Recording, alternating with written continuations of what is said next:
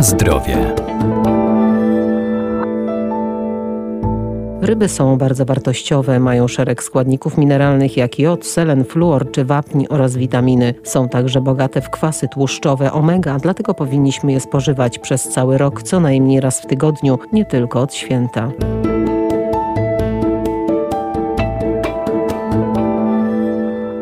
Jak pokazują statystyki, wciąż spożywamy za mało ryb, a warto to zmienić. Są cennym źródłem łatwo przyswajalnego białka, zawierają też witaminy i szereg związków niezbędnych do prawidłowego funkcjonowania organizmu człowieka. Można je przyrządzać na różne sposoby. Polacy spożywają stosunkowo niedużo ryb, ponieważ średnie spożycie ryb w Polsce na jedną osobę wynosi około 13 kg, podczas gdy spożycie na świecie już przekroczyło około 19 kg. Spożycie ryb w Polsce warunkowane jest e, przede wszystkim e, oczywiście tradycją i religią. Doktor habilitowany Piotr Skałecki, Uniwersytet Przyrodniczy w Lublinie. Najwięcej ryb spożywamy właśnie w okresie świąt Bożego Narodzenia i Wielkiego Postu. Wówczas e, spożywanych jest około 40% wszystkich ryb. Jeżeli chodzi o strukturę gatunkową ryb spożywanych w Polsce, dominują ryby morskie takie jak mintaj, śledź. Jeżeli chodzi o te ryby słodkowodne, karp,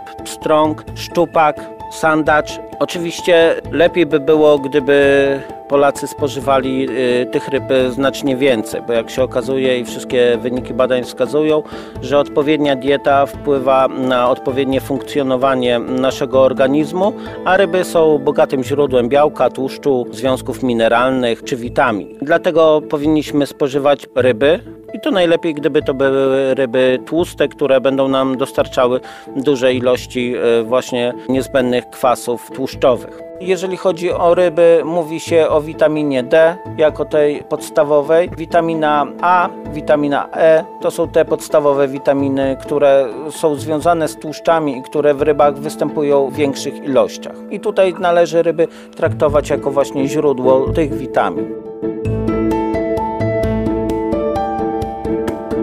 Na zdrowie.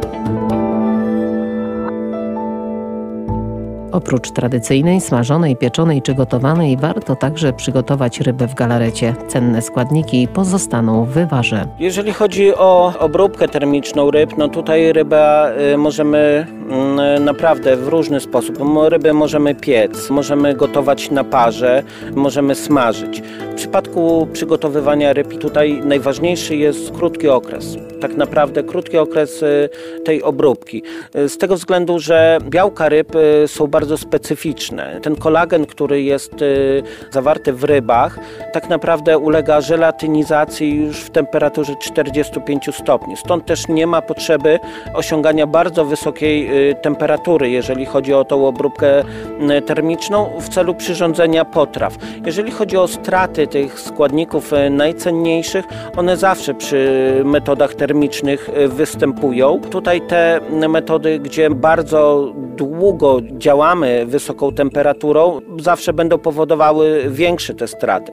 Jeżeli chodzi w ogóle o produkty rybne, tutaj te, które są spożywane wraz właśnie tak jak czy ryba w galarecie, czy na przykład konserwy rybne, tam pomimo tego ługowania tych składników odżywczych, one tam cały czas pozostają w tym sosie, zostają zatrzymane jak gdyby, więc y, czy na przykład y, w postaci y, jakichś marynat, sałatek, pomimo tego, że ten sól i te kwasy organiczne wykorzystane do tego procesu tutaj y, w pewien sposób powodują powstanie tych strat, składników tych y, najcenniejszych, to one właśnie zostają i tutaj wiele badań było przeprowadzonych i w opracowaniach możemy właśnie czytając dowiedzieć się o tym, że marynaty rybne, ryby solone są y, pomimo tych strat, które powstają w wyniku tych procesów, są doskonałym źródłem między innymi właśnie tych kwasów kwasów wielonienasyconych kwasów tłuszczowych, których ryby są tak naprawdę jedynym źródłem.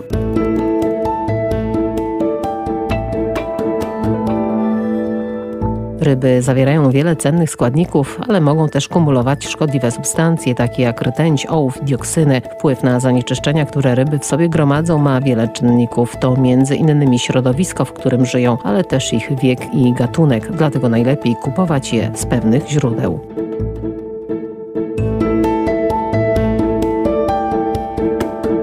Na zdrowie.